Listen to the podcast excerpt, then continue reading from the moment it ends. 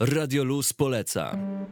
Lubisz zgłębiać temat i dopytywać, a jednocześnie mieć wątpliwości? Chcesz poznać opinie ekspertów i prawdziwych pasjonatów? Daj się poprowadzić w nasz naukowy świat. Pobudzamy ciekawość i szare komórki. Włącz na synapsach w środę o 17. I w soboty od 15 do 17 na 91 i 6 FM. Radio Luz poleca. W lipcu tego roku mija dokładnie 60 lat od momentu wybuchu epidemii ospy prawdziwej we Wrocławiu, która została ogłoszona 17 lipca 1963 roku. Dla wielu z nas był to niezwykle odległy element lokalnej historii, fenomen w skali Polski i nie tylko, nie mieszczący się w granicach naszej wyobraźni aż do momentu wybuchu pandemii COVID-19. Na własnej skórze mieliśmy okazję przekonać się, co to znaczy izolacja społeczna w szerokim globalnym wymiarze i dziś chcemy spojrzeć nieco wstecz, trochę w kontekście tych żywych wydarzeń związanych z wirusem SARS-CoV-2. Zaproszenie do naszego studia przyjął pan profesor Leszek Szenborn, kierownik Katedry i Kliniki Pediatrii i Chorób Infekcyjnych Uniwersytetu Medycznego we Wrocławiu. Dzień dobry panie profesorze. Dzień dobry pani, dzień dobry słuchaczom. Jak patrzymy na te wydarzenia z 63, to możemy nazywać je szczęściem w nieszczęściu, dobrze zaplanowaną akcją, czy jeszcze jakieś inne skojarzenia przychodzą panu do głowy? O, jest rządzenie losu, bo dlatego, że tak pani powiedziała, 17 dopiero ogłoszono stan epidemii, natomiast mhm. choroba już trwała od 47 dni. Czyli tutaj by nastąpił bardzo duża zwłoka w rozpoznaniu tej choroby. To właśnie pokazuje, że choroby, które giną, usypiają czujność, prawda? Już szczepienia były stosowane, ale nie były dobrze stosowane, bo, bo jak nie ma zagrożenia, bo od 1935 roku w Polsce nie było już ospy przed wojną, mhm. prawda? Bo w dwudziestoleciu międzywojennym udało się wyeliminować y, ospę prawdziwą jako chorobę endemiczną, czyli taką, która przenoszona jest między Polakami prawda, na terenie naszego kraju. Natomiast były tylko przypadki zawleczone. I później przed tym zdarzeniem w 1963 roku we Wrocławiu to były też przypadki, kilkanaście przypadków, ale dotyczyły one Gdańska, marynarzy, które zawlekali tę chorobę po prostu z, z krajów zamorskich i była tam rozpoznawana. Natomiast tutaj, no to we Wrocławiu akurat przyjechał pracownik Ministerstwa Spraw Wewnętrznych, tajemny, nikt nie wiedział co i jak. Owiany tajemnicą. On sam ciężko nie chorował, prawda, ale był chory, choroba nie została rozpoznana. Mówi się, że przyjechał z malarią tak? Mm, oj, Czy to... to wie pani co, nie mógł przyjechać z malarią, tylko po prostu nie wiedziano, co mu jest. No to postawiono mhm. takie rozpoznania za, zastępcze, ale niewłaściwe. Tak naprawdę ten okres 47 dni do rozpoznania to jeden z najdłuższych w tych epidemiach. Zawsze jest spóźnienie, bo jak choroby nie ma, to ludzie nie, lekarze nie są w gotowości do rozpoznawania tej choroby, mimo że były wszystkie typowe objawy. A czym się charakteryzuje wirus y, ospy prawdziwej? Wywołuje śmiertelną przede wszystkim chorobę. Ta śmiertelność w Polsce w tych latach przedwojennych to sięgała między 15 a 23%. To proszę sobie wyobrazić. To COVID to było małe piwo. To jest zupełnie małe piwo w stosunku do ilości zachorowanych, prawda? Także to jest takiej choroby to my tutaj nie mieliśmy. No można by powiedzieć, że to bardzo blisko jest y, śmiertelności covid w grupach ryzyka osób starszych. To widzieliśmy. No ale to też nie wystarczyło, żeby ludzie się tym przejęli. No uważają, że na coś trzeba umrzeć, nie? Ale wtedy to też to wystąpiło na wakacjach, kiedy wszyscy się szykują na wakacje, żeby był spokój, a tu nagle takie straszne nieszczęście, które wymagało przeorganizowania życia, czyli tutaj akurat w jednym terenie, nie w całej Polsce, żeby ograniczyć ognisko. To było powołaniu sześciu szpitali izolacyjnych, siedmiu izolatoriów, prawda, izolatoriów y, za drutami kolczastymi, w których były warunki jak w obozie koncentracyjnym, że nawet były bunty tam ludzi zgromadzonych ze względu na to, że się według nich nie dawało się żyć, a za opuszczenie takiego izolatorium kara banalna 15 lat więzienia prawda? Miasto tak? Wrocław. Tak, właśnie my sobie nie wyobrażamy nie dzisiaj, jak to prawa człowieka i tak dalej. Po prostu było bezwzględne. Później akcja szczepień też była bezwzględna. Tam nie było kwalifikowania, czy ty masz przeciwwskazania, czy chcesz się zaszczepić, czy dobrowolnie.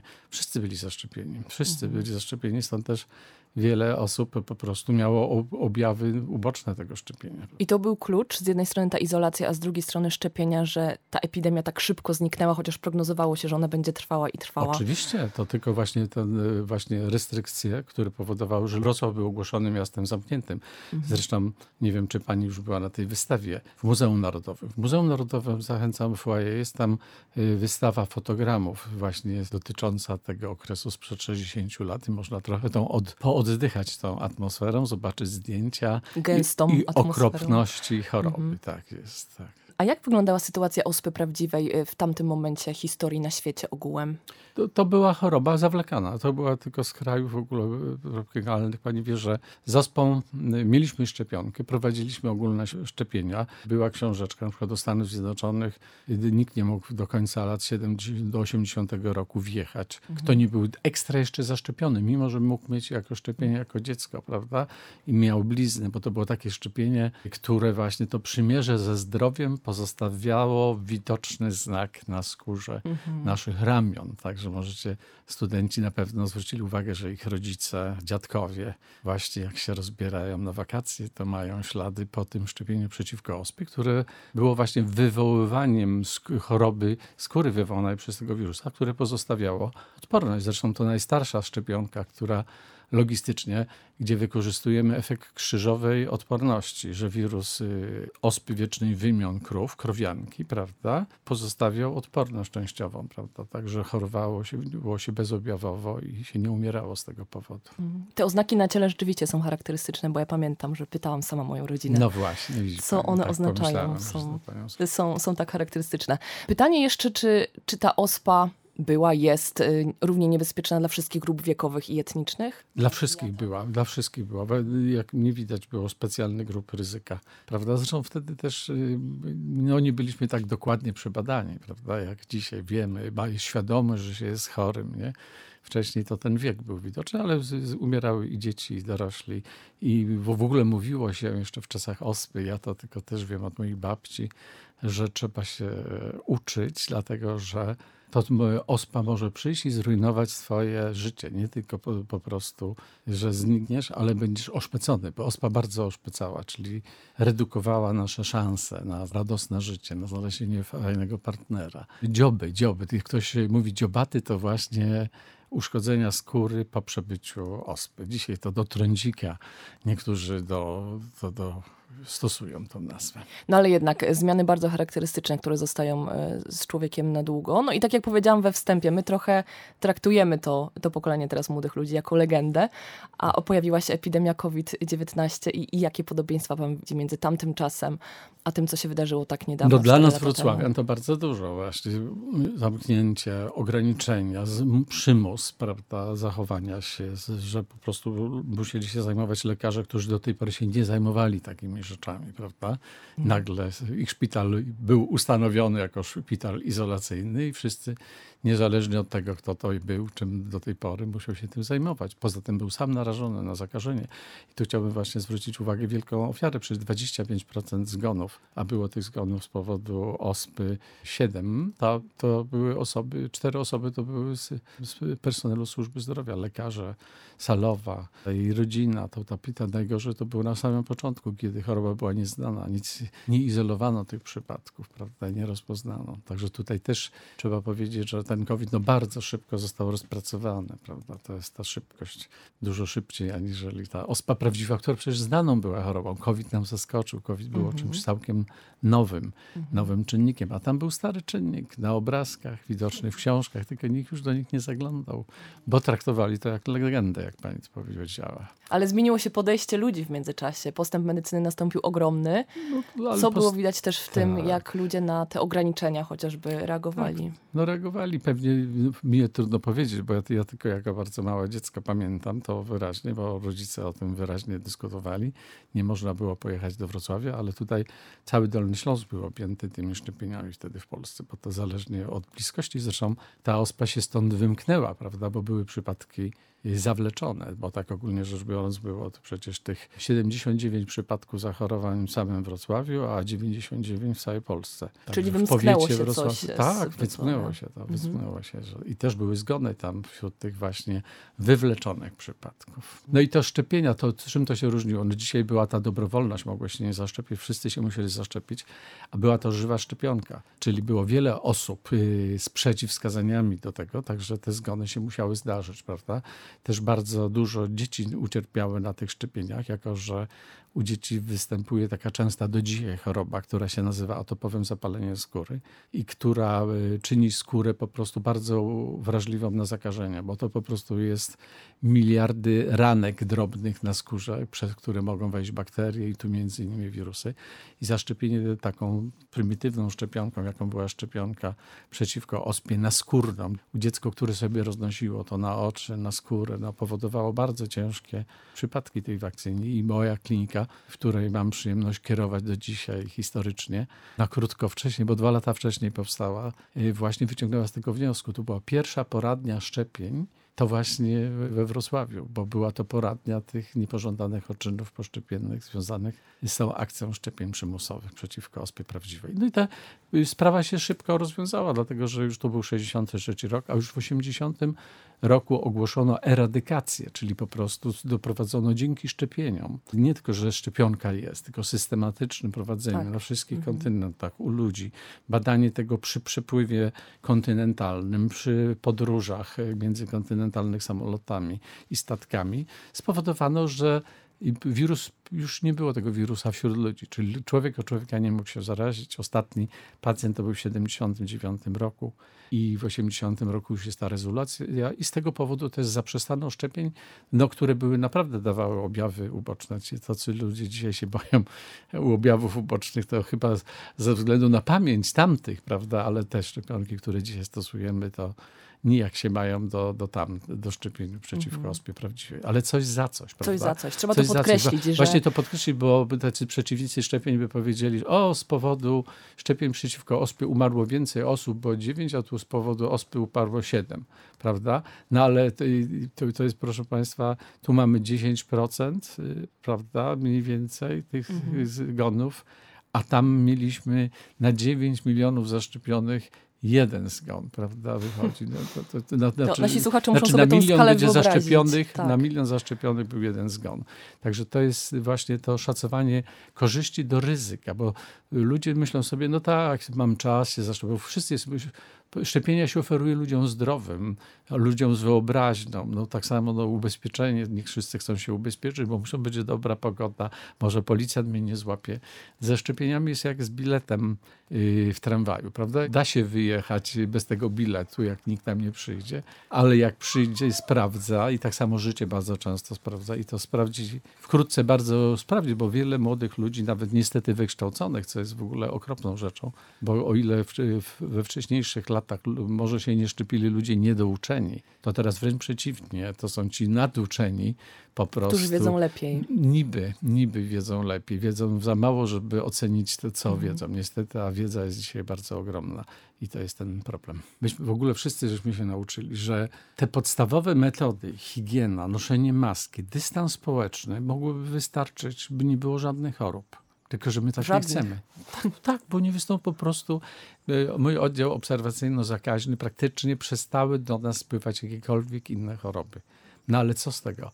Jak wróciliśmy do norm, ściągnęliśmy maski, zaczęliśmy się witać, całować, spotykać, wszystko to wróciło ze zdwojoną siłą, gorzej niż kiedykolwiek. Czyli ta dziura y, w, po prostu w krążeniu drobnoustrojów chorobotwórczych, zaprzestanie szczepień, zwłoka w wykonywaniu szczepień, prawda, spowodowała, że staliśmy się jeszcze bardziej wrażliwi. I- Na przykład mieliśmy epidemię ospy tej wiecznej u dzieci, u jedenastolatków. Całe klasy chorowały. To się nigdy wcześniej nie zdarzyło. Bo była taka moda, nawet nie wiem, czy dalej nie trwa, że się zaprasza na takie party ym, Tak. wirusowe. Wiem, to stra straszny pomysł w ogóle. To ona jest, właśnie, to jak pani się pyta, co ma to związek z ospą prawdziwą, to właśnie to. Bo y, jak jeszcze nie było szczepienia, była też metoda, to się nazywa wariolizacja. Narazić się na zakażenie w momencie, kiedy jesteśmy zdrowi, to też dawało spadek śmiertelności, bo wiadomo, że jak chory unikał, a zdrowy się naraził, no to lżej, ale też się umierało. To nie o to chodzi. Chodzi o to, żeby nie, ponie- ponieść takiego ryzyka jak śmierć, prawda, z powodu choroby, bo to by było głupie. Była mniejsza śmiertelność, ale niestety była. Także to bym nikomu nie radził takich metod, bo metoda jest no, strasznie prymitywna i zakłada życzeniowe myślenie, czyli wybierzemy dziecko, które łagodnie choruje na ospę wieczną, zakładając, że wszyscy, którzy się z nim będą tak samo łagodnie e, chorować, a to jest nieprawda. to doświadczyły dzieci. Mieliśmy przed laty tutaj nawet we w samym mieście Wrocławiu śmierć trzylatka, który właśnie z powodu takiego zakażenia na ospa party, później z powodu ciężkiego nadkażenia bakteryjnego Mm. zmarł. Prawda? Także niestety i wtedy kto jest y, odpowiedzialny? Nie Odpowiedzialny. tylko wyrok Mhm. losu, czyli krążący w powietrzu wirus, tylko ci rodzice, którzy celowo to dziecko tam zaprowadzili, myślą, że, że co chcieli tym osiągnąć. Czyli możesz czasem się zaszczepić. Właśnie. Ospa, chociaż łagodna, zawsze jest chorobą ta wieczna, komplikującą życie, bo występuje wtedy, kiedy nie chcemy, na urlopie. Tak, w najmniej odpowiednich Ja na momentach. przykład troje dzieci miałem i wszystkie chorowały wtedy, kiedy ojca nie było w domu lekarza, prawda? Czy to nie paradoks? Prawda? No właśnie, nie można tego przewidzieć. Nie? A czego nauczyła się y, nasza ochrona zdrowia w Polsce? w Na tej z- ospie prawdziwej. Tak. No właśnie nauczyła się przede wszystkim te poradnie szczepień powstały, że my wiemy, że są osoby, są trudni pacjenci, są, że to jest y, pod tym względem szczepień to najwięcej do, do zorganizowania takiej akcji.